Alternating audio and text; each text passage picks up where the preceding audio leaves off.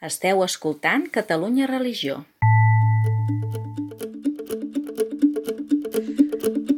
Som dijous 20 d'octubre de 2022 i esteu escoltant la rebotiga de Catalunya Religió, aquest espai de tertúlia i comentari amb els periodistes que conformen la nostra redacció i amb d'altres col·laboradors. Avui saludem Glòria Barrete, Jordi Llisterri, Roger Vilaclara i també Anna Robert.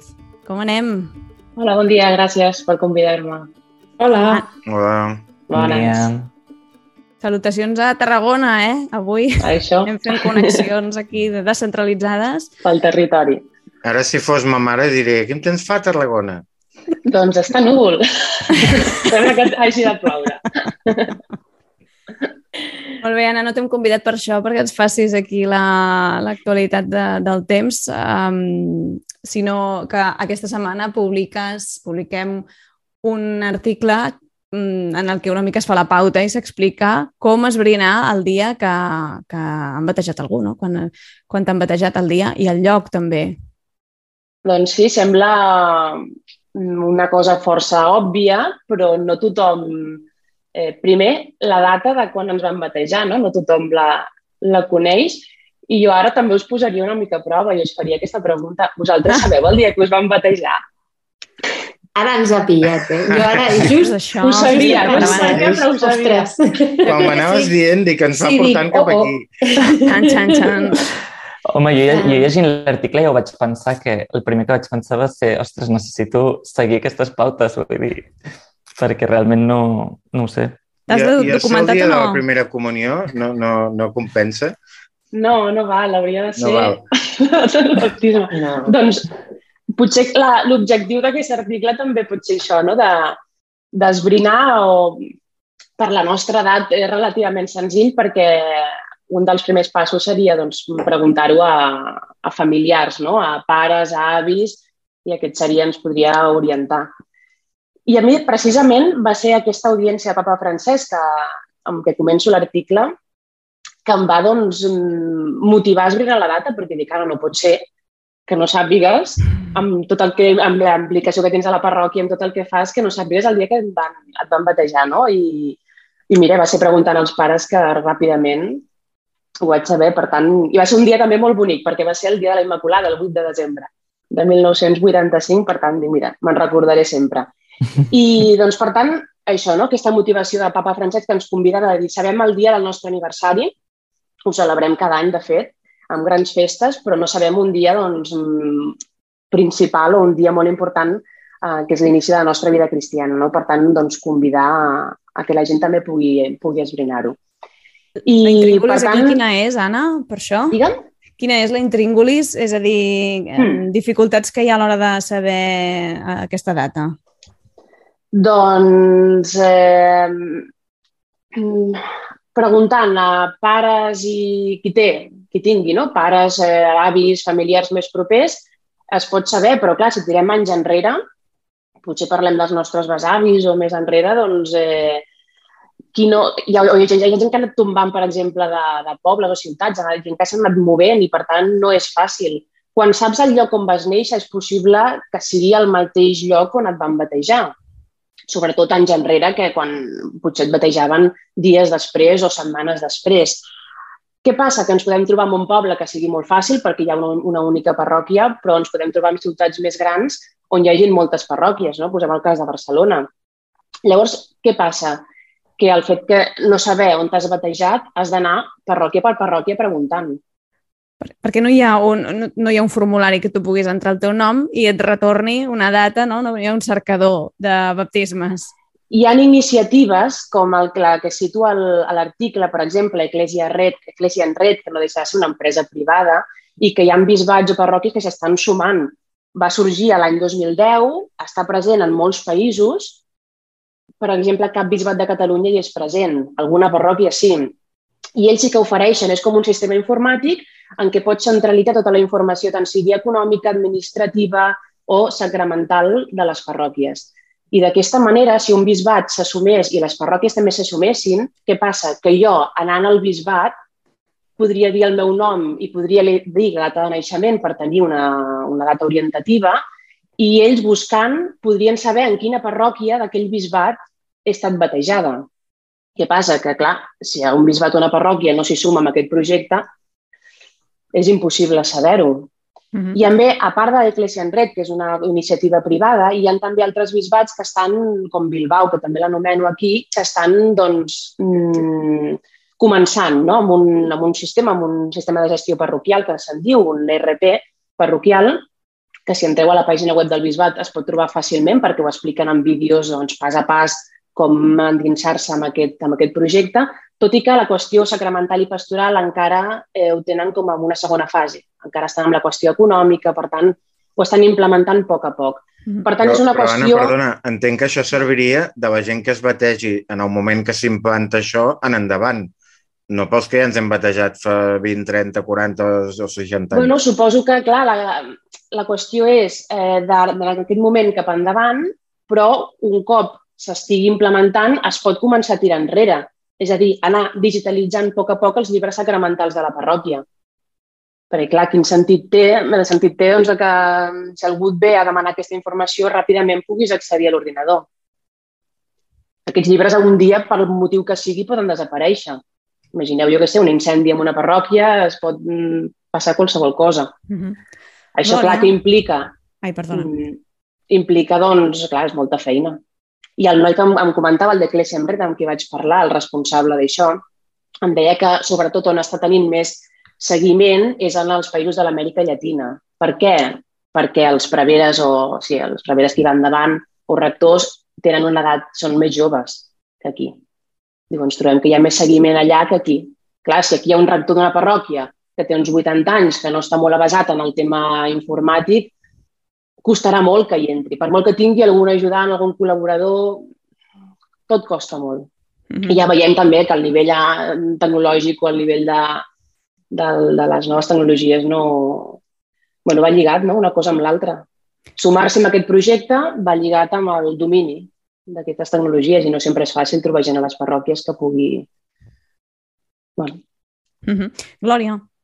Jo volia posar una mica en context perquè penso que és eh, bonic tirar una mica enrere de com sorgeix la, la peça de l'Anna i és si, si recordeu el, els companys de la redacció que ens va arribar la petició per correu electrònic d'una persona que ens demanava justament això, com puc saber on m'he batejat, no?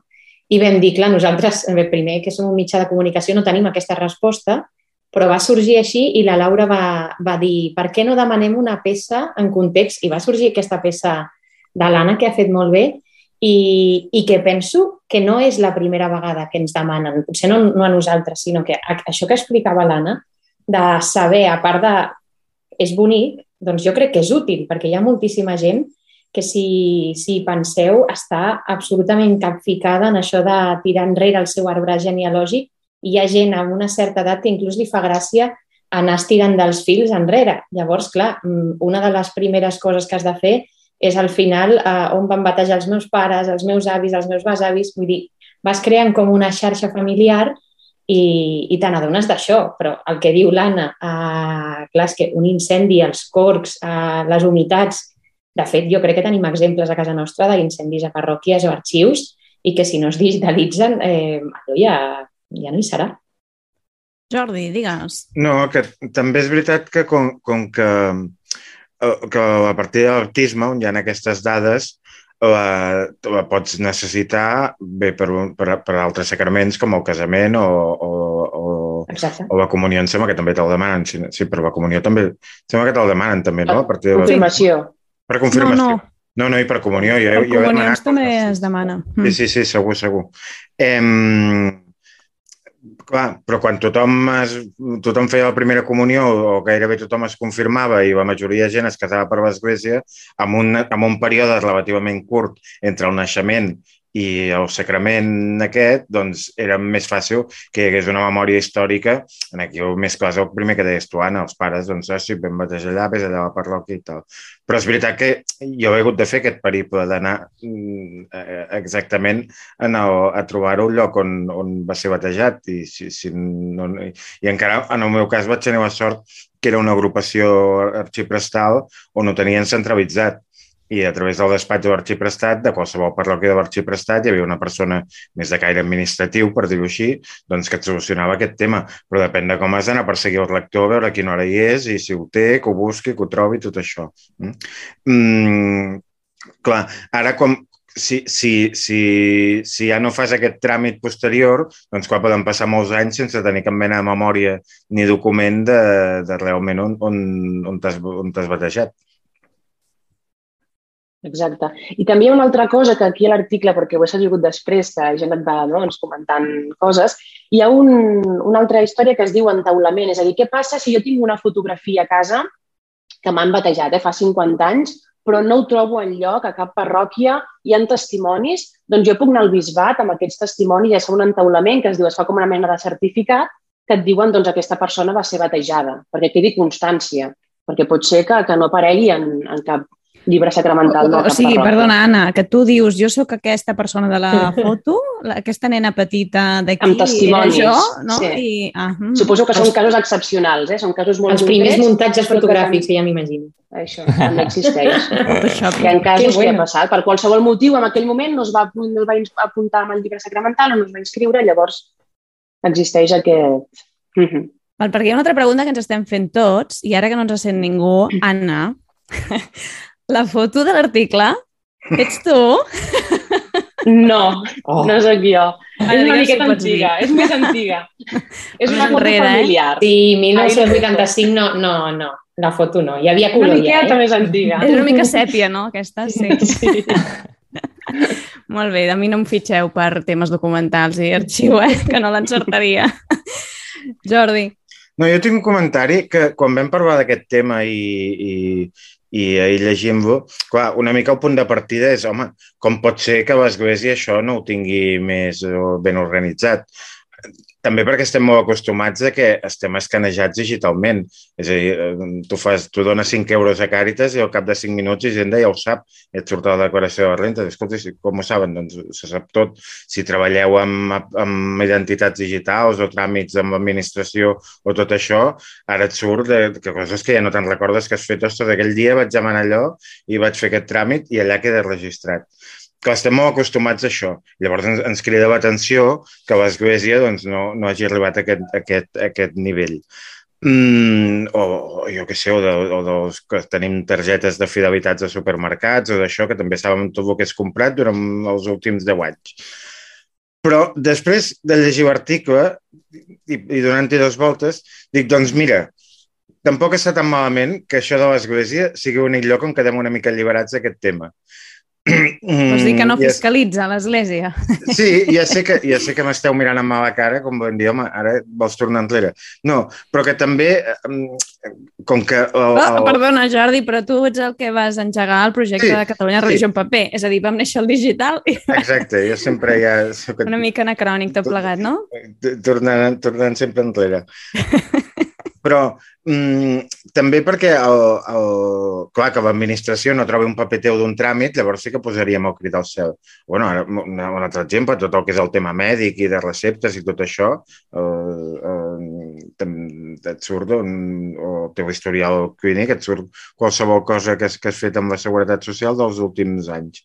Però que amb, amb un tema que no hi ha, diguem, una obligació administrativa o que té, que té un valor més, més espiritual o sentimental o, o més un, menys burocràtic que mm, també no estigui tan allò indexat amb un ordinador, doncs vaig pensar, mira, potser, potser és l'únic lloc on valdria la pena preservar, preservar una mica això. I acabo de contradir tot el que vaig dir a les reunions de redacció durant els últims setmanes que hem parlat d'aquest tema. Glòria. No, jo tinc un apunt. Sí que el cert romanticisme el puc entendre perquè... Però, però és veritat que jo crec que una cosa no treu l'altra. És a dir, podrien, podrien tenir en un cercador eh, el que deia l'Anna, no? on m'he batejat, jo ho trobo, i si vaig a buscar la partida del baptisme, doncs hi vaig presencialment i mira, eh, doncs el romanticisme també et fa que de vegades els rectors que, que hi són eh, encara hi són, o sigui, els que t'han batejat, no? Diu, mira, i quina gràcia, perquè me'n recordo d'ustè, el vaig fer jo, no sé, aquest tipus de romanticisme l'entenem. Ara, eh, jo sóc partidària de la digitalització per, per, també per una qüestió pràctica que deia l'Anna, és que això on, on quedarà? Dir, no m'imagino una mudança de, de carpetes, no? Eh, de parròquia a parròquia i de soterrani en soterrani, perquè allò pot ser un desastre. bueno, també podem fer l'entaulament, fer un muntatge i dir que hem batejat aquí, però clar, potser l'objectiu no era aquest. Sempre hi ha Bueno, una mira, trampa. Una època, una època quan era molt jove i vaig fer pràctiques al Bisbat, eh, havia vist venir, eh, en aquest cas una vegada, però em van dir que passava de tant en tant, venir una persona amb una fotografia del seu bateig per veure si algú sabia qui era un mossèn que l'estava batejant i hi havia allà un mossèn molt gran que els coneixia la majoria i llavors deduint a un mossèn podies acabar deduint on t'havien batejat, podies acabar deduint que si anaves a aquella parròquia potser allà trobaves el registre més o menys per bany, etc etc. bueno, també mm, que les coses sabràs d'aquesta mane d'aquesta manera i no perquè un, un, un registre informàtic t'ho diu, doncs també ve trobar el seu valor. Sí, sí, tota la raó, en això sí. El romanticisme, clar, però això va lligat a tenir temps, eh? Jo ara no he vist, Exacte. no he vist compatible això amb la vida juvenil. I els horaris, també. Els Els horaris, horaris, ah, el exacte. bisbat, els horaris... Sí. Que, bueno, Aquell despatx parroquial d'un- d'una hora a la Sí. setmana, no? Que a veure si Mm. mm. certes o no. Molt bé, doncs eh, qui vulgui saber quin dia el van batejar, que passi per Catalunya Religió, es llegeixi aquest fantàstic article de l'Anna Em Robert. pensava que no. Et També trobarà. pensava, dic, no, no, no tenim el registre. Nosaltres no tenim el registre, no els tenim No, no, no. controlats, Que tranquils. truqui la Laura aquí. Que l'Anna. A mi no m'atabaleu. Uh, molt bé, escolteu, si us sembla, fem una ullada als més llegits. Roger? Doncs sí, aquesta setmana en primer lloc tenim la notícia que Carles Armengol és el nou director general d'Afers Religiosos com a article més llegit de la setmana. En segon lloc hi tenim la notícia què explicàvem que l'Església presenta els resultats de l'enquesta sinodal a 500 persones en situació de pobresa. En tercer lloc hi tenim aquest article del que ara parlàvem sobre el bateig. En quart lloc hi tenim la crònica de la tribuna Joan Carrera que es va fer la setmana passada amb l'arcabisbe de Lima. I en cinquè lloc hi tenim un article sobre la pastoral universitària Blanquerna. Comencem, doncs, amb nou director de la Direcció General d'Afers Religiosos, Carles Armengol, i, ostres, són, són mandats molt curts, eh, aquests, són mandats molt curts. Uh, felicitats i l'enhorabona des d'aquí també uh, per, aquesta, per aquest nou repte que, que assumeix. El Carles Armengol ve de l'àmbit de la pedagogia, havia estat molts anys també a Escola Cristiana i ha passat per una pila de llocs. Ja formava part com a tècnic de la Direcció General des de fa un temps i compromès amb diverses causes eh? uh, dins del món d'Església, president de la Lliga Espiritual de la Mare de Déu de Montserrat, ha, ha tingut un peu en diferents grups no? de defensa dels drets humans i amb justícia i paus i etc. Um, com, com ho valoreu? Comentaris? Jordi? No, hi ha, hi ha una cosa que em sembla que alguna vegada hem comentat, crec que amb motiu de l'últim relleu, que és que potser és de les direccions generals en què hi ha més continuïtat amb la política. És a dir, que els canvis que hi ha hagut, eh, estem parlant d'una direcció general, en aquell moment secretaria creada l'any 2000, és a dir, fa 22 anys, i els canvis que hi han hagut, si ara no ho vaig comptar malament, però aquest és el vuitè director general que hi ha, han estat molt vinculats doncs, a mira, que canvia un govern, que, que hi ha un canvi de majories, amb eh, tot el desastre que ha passat ara amb el govern, tot això, i ha provocat un canvi. Ara, el perfil de persones que van anar portant eh, han tingut una continuïtat en el sentit doncs, de, mm, jo potser diria dos eixos. Un, la valorització pública de l'aportació positiva que pot fer el, que fa i pot fer el fet religiós o les comunitats religioses o la societat i l'atenció doncs, a, la, les diverses confessions que hi ha a Catalunya, que en alguns casos doncs, poden tenir altres canals d'interlocució més temàtics. Eh, estic pensant, per exemple, doncs, les escoles cristianes, mm, el, diguem, la relació que tenen habitual és amb ensenyament, no? però hi ha, hi ha altres aspectes que poden ser més transversals i que, i que demanen doncs, un, un, un punt d'interlocució amb l'administració que crec que és una de les funcions principals de la, de la direcció general. En aquest cas, amb el Carles Armengol, a més, es compleix una altra cosa que en altres casos, en altres nomenaments s'ha complert, que són persones que provenen molt de la pròpia vida de l'activitat religiosa a Catalunya, no són extraterrestres que aterren a tractar això i l'endemà estan, avui estan fent això i l'endemà estan al Departament d'Agricultura, sinó que són gent que venen d'aquest món i, per tant, doncs, que fàcilment se situen i tenen el coneixement de, de, de la interlocució de, de qui tenen a davant. Mm -hmm. Per tant, una bona notícia. No, no, sí, de, dels perfils de gent doncs, que podrien haver rebut aquest encàrrec, evidentment el Carles jo crec que és una de les persones que estaria en el, en el, en el top 10 i, i més amb els últims anys que més s'ha estat dintre la, la direcció general com a tècnic, cosa que al final una mica tot, tot queda a casa i és una, una mateixa promoció d'una persona que està treballant en aquest àmbit i que l'endemà de ser nomenat no havien d'explicar res, sinó que si el van nomenar dimarts, el dimarts a la tarda ja estava treballant perquè ja sabia el que s'havia de fer. Molt bé, Glòria. Mira, jo volia afegir una, un element que, clar, al final és, és subjectiu absolutament, però penso que també ja és, és una tònica habitual amb els mitjans de comunicació, que és mirar les xarxes socials no? quan passa això. I el que va molt en línia del que acaba de dir el Jordi, quan hi ha un nou nomenament, un càrrec, en aquest cas polític, doncs veure com, com, com reacciona l'entorn no? o el sector en aquest moment.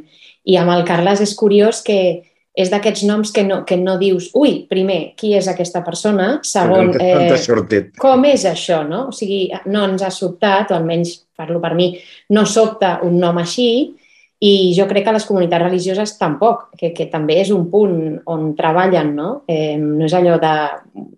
No diem eh, que una persona que ve de fora del món del fet religiós no pugui fer aquesta tasca, que jo crec que s'ha demostrat que sí, però clar, tot és eh, molt més ràpid. És a dir, al final les comunitats religioses el que necessiten és un interlocutor on el que explicava el Jordi.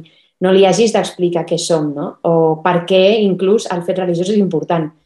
Doncs ja aquest concepte crec que ho compleix sobradament i, i el fet això de que sigui com un membre de la casa jo crec que és una continuïtat que almenys dona entitat a, a fer religiosos aquesta, aquest departament i alhora doncs, afegir no? també que hagi traspassat uh, les, competen bueno, les competències d'on penja a presidència de nou, penso que és un gran encert, perquè crec que la resta no vam, no vam entendre gaire bé com és que penjava de justícia. Pot ser les tringulis polítiques, però no tenia gaire sentit. Inclús era com car de canó de, de, de certes polèmiques i de bromes, no? Vull dir, Bueno, L'única excusa era no, a la interlocució amb, amb la, o sigui, la part d'assistència, d'atenció religiosa dins de presons. Clar, però tampoc s'entendria. Però en aquest salut, argument no? hauria d'estar sanitat, també. Sí, també podria dient... estar... Exacte. Això, podria sí. estar, no, l'exemple sí. que poses, Laura, és una prova més de la transversalitat que té una direcció general d'aquesta temàtica. Mm, de fet, ha, eh, els governs sempre van reestructurant competències, però al voltant de presidència sempre hi ha hagut la direcció general de l'esport una mica perquè on el poses l'esport, no? A, a cultura, sí, també el pots posar a cultura o a educació però, o a salut, però una mica afecta, afecta sí, tot i normalment sí, sí, sí. ha de pes de presidència. Una dimensió transversal. Sí que jo penso, i ara vaig més concretament a la figura de, Mm, del Carles Armengol, que si pot aportar alguna cosa, és en la, un dels àmbits també que, que treballa bé la direcció general, és la formació de, a nivell, de, per exemple, de, de cos de treballadors públics, no? ajuntaments, tota aquesta dimensió de, de transferència d'un coneixement d'una realitat que si no la coneixes no la pots atendre o pots equivocar molt, no? I està molt atents aquí, ell que ve de l'àmbit de la pedagogia, no? I de la... De, sigui escola, però que també pot ser formació d'adults, no? I tota aquesta part crec que la pot cuidar, cuidar bé i és important que es cuidi perquè al final, si tens la gent no, això, amb, un, amb un coneixement de la realitat eh, religiosa, doncs sempre pots fer molta prevenció a molts nivells, no? Mm. Hi ha un, hi ha un últim factor del, del Carles que, evidentment, el Carles Armengol prové del món catòlic, és, és conegut i notori per tothom, fins ara era el president de la Lliga Espiritual de la Mare de Montserrat, però per als temes que ha portat els últims anys especialment, eh, parlo de tot l'àmbit que ha treballat molt del que seria la conversió ecològica, que és un tema molt transversal i molt, en aquest cas, molt ecumènic, eh, però també, evidentment, eh, afecta fins i tot ja no només a les religions, sinó va més enllà de l'àmbit religiós. I d'altra banda, també, el, els últims anys, ell, per la seva tasca com a tècnic, també ha tingut molt contacte amb, les amb, amb, totes les, amb totes les confessions en general, però en particular amb una de les més importants, que és la comunitat musulmana. I, i per tant, tot el tema de... No li podia quedar més lluny per tradició personal de l'islam, doncs ho coneix i els, i els interlocutors que hi ha en, en aquest moment en aquest àmbit també el tenen com un personatge reconegut i conegut. Eh? I això també ajuda molt a, a, fer, aquest, a fer aquest encàrrec que ara, que ara tindrà. Molt bé, més comentaris. Que no, no havia contestat ningú per quants mesos, però això és una altra... Entraria ja en una tertúlia política que no farem. Sí, sí, no, està... no tenim la bola. Uh, més coses, comentaris, no? Saltem, canviem de tema. D'aquesta llista que repassava el Roger, també ha esmentat doncs, la presentació d'un informe, aquesta enquesta que s'ha fet, amb, amb, no sé si dir en paral·lel o com a una eina més del sínode que s'està organitzant a nivell internacional i que ha posat el focus en persones que estan en situació de pobresa, no? amb la intenció quina? d'unir la teologia, que la teologia que es fa, no? tot allò que diríem que és pensament, acadèmia o, o aprofundir la vivència de la fe, es faci arrelada a les realitats de marginació i, no? I, i perifèries. No? I en aquest informe que es va presentar a la parròquia de Santa Ana de Barcelona, a Hospital de Campanya, eh, es va fer en el marc d'una trobada d'hospitals de campanya de tot el món també, per tant estava com molt ben contextualitzat. Ja, jo sí que voldria assenyalar de la crònica que ens ha fet la Lucía Montovio que, mm, que al final eh, tot aquest, és, és una feina d'escolta, és a dir, aquí no sé si cal arribar a algunes grans conclusions, segurament és interessant de, de recuperar el, el document que tenia una pila de pàgines no? I, i veure el què, però ja hi ha aquest, aquesta part de dir no hi ha persones més sàvies que d'altres, no? Aquí hi ha un punt d'experiència i de vivència que és important de recollir i aquest treball l'ha fet. I a Catalunya concretament, bueno, de fet en tota la zona, si no m'equivoco, del Mediterrani, um, la persona responsable de promoure i dinamitzar tot això ha estat la monja benedictina Teresa Forcades, que, com sabeu, també té un projecte de formació teològica amb la, amb el, des del monestir de Sant Benet de Montserrat, un projecte internacional que es fa en formació online amb gent de tot el món i, i bé, eh, han, han aconseguit testimonis a partir d'entitats d'església que estan treballant amb, amb, en contextos de marginació, des del lloc de la dona, que treballen amb dones que treballen amb prostitució o o Acció Social de Càritas, no? a Càritas Barcelona i, i d'altres entitats. Eh? Però bé, aquí hi ha el material, suposo que s'ha d'explorar. Sí. Roger. Sí, jo d'aquesta presentació, la veritat és que em vaig quedar molt i penso que és algo destacable, no? també llegint la crònica de, de la Lucía i, i mirant-me també l'acte que el podeu recuperar a l'article que està en vídeo, diguéssim. Eh, una mica el Vídeo que... molt ben fet, per cert. Sí, molt, molt ben realitzat. Um, una mica la idea que, que deia la Teresa Forcades, que deia que, que el, amb aquest document, amb aquest informe que presentaven, el papa volia fer arribar la veu dels pobres al Sino de 2023 i ella explicava una mica que, que el, el que se li havia transmès és que amb el sínode, doncs, com que hi havia tantes fases d'aquesta part de parròquies, després de les diòcesis, etc, que això també suposava en part uns certs filtres i que amb aquesta investigació és, era la manera doncs, que el papa s'assegurava que la veu dels, pobres, dels pobres arribés al sínode i, i bé, em vaig quedar sobretot amb aquesta idea, més enllà de, de les conclusions o del que, o del que pugui succeir després, diguéssim, no? penso que, que és interessant com aquesta visió del papa i que també penso que estaria bé eh, que es pogués ampliar a altres col·lectius, en veritat. Uh, Anna. Bueno, suposo també que van en aquesta línia del papa francès, no? ell que sempre ha repetit aquesta idea d'una església pobra i per als pobres, aquest lema, i de fet també suposo que hi ha molt de camí a recórrer i també aquesta idea d'allargar-ho un any més, no? que ha anunciat que el sínode s'allargarà fins l'any 2024, per tant, no és una cosa que s'hagi d'acabar l'any vinent, sinó que bueno, ja ho hem vist amb les diòcesis, amb tot el treball de les parròquies, és un treball de fons i que, bueno, que no arribarem, suposo, a grans conclusions, però que, que servirà per, per el, aquest projecte d'església que, que tindrem en aquests propers anys. No? Per tant, bueno, donar veu a tothom, que és aquest l'objectiu principal de, del sínode. Mm -hmm. Glòria. Mira, jo dues coses. Una, la que acaba de dir l'Anna, penso que és, eh, bueno, no el gran repte, però la gran sorpresa. No? L'Església sempre s'ha titllat de, de rigidesa en molts moments, eh, tot és molt documental, tot té un calendari com molt feixuc, i, I clar, quan et diuen no, no, que el sínode, doncs miri, eh, l'objectiu ho allargarem un any més perquè aquí hi ha molt, molt, per, molt camp per córrer. Clar, et quedes com dient, ui, que això es podia fer? Doncs miri, sí, sí perquè, perquè és necessari, no? I l'altre element que destaca, jo diria que és a la crònica de la Lucía d'aquest acte, em sembla que ho va dir la Vicky Molins, ella ho agafa com a declaració, quan diu que amb els pobres que ella hi parla, sovint doncs allà hi veu a Déu, no? I que parlen d'una relació tu a tu amb Déu. I això m'ha fet recordar, quan ho vaig llegir, vaig dir...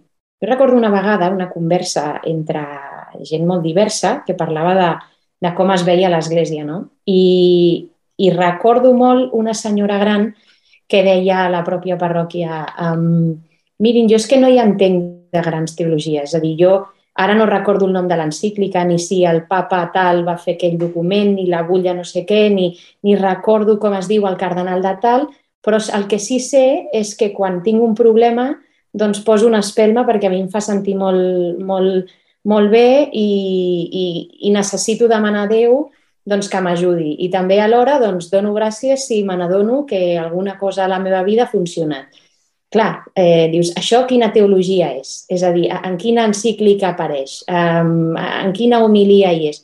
Doncs és aquesta teologia popular que diríem, jo crec que el papa ha demostrat sobradament que la vol impli implicar constantment i dir l'Església és això, uh, parlar amb Déu és això també.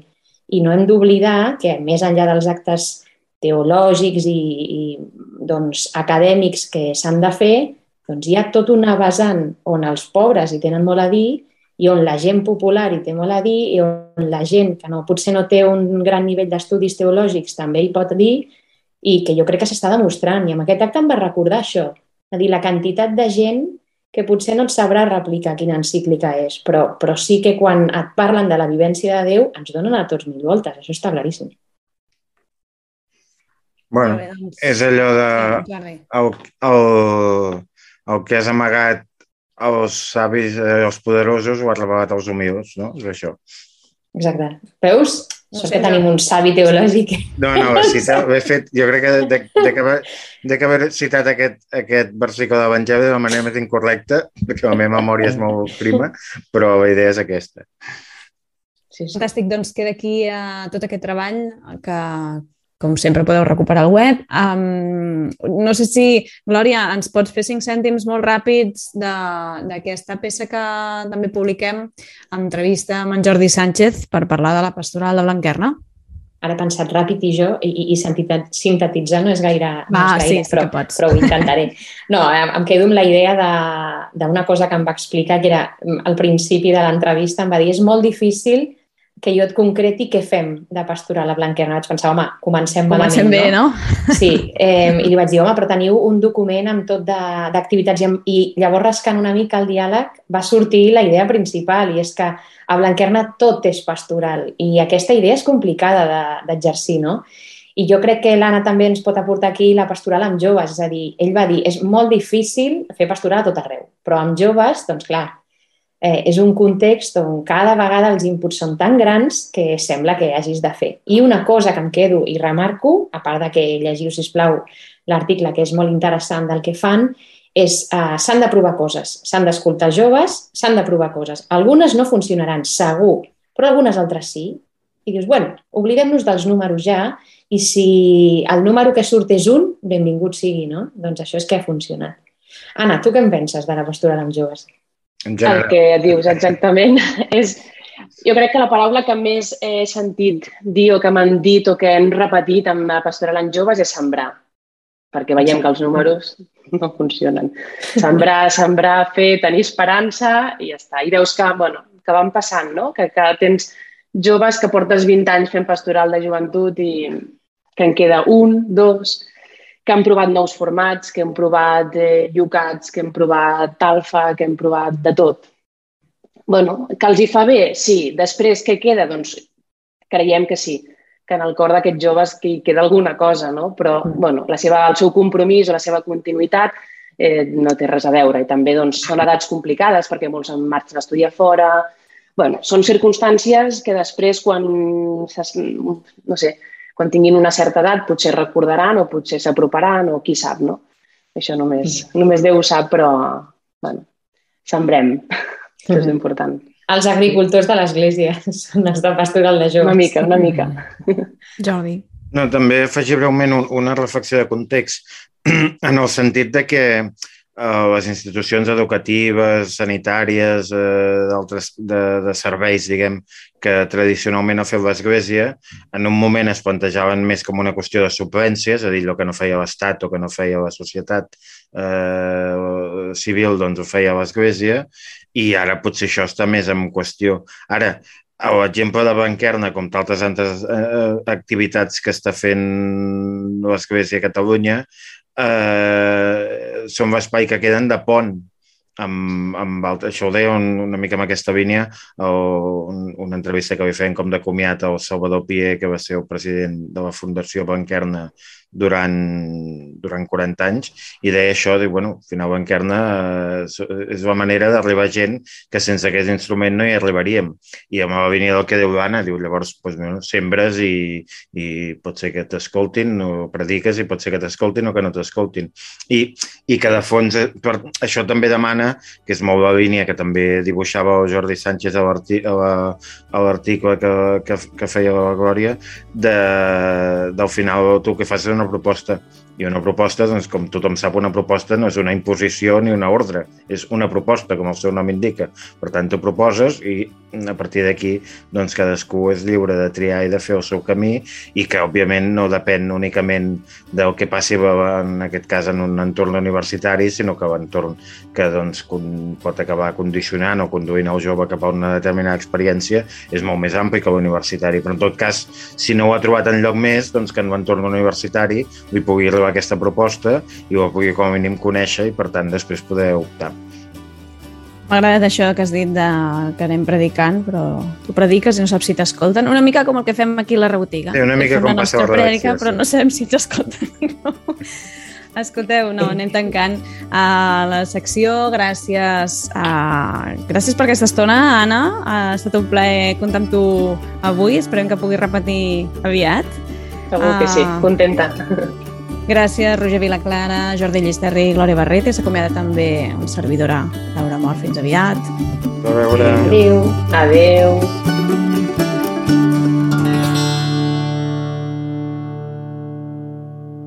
Catalunya Religió.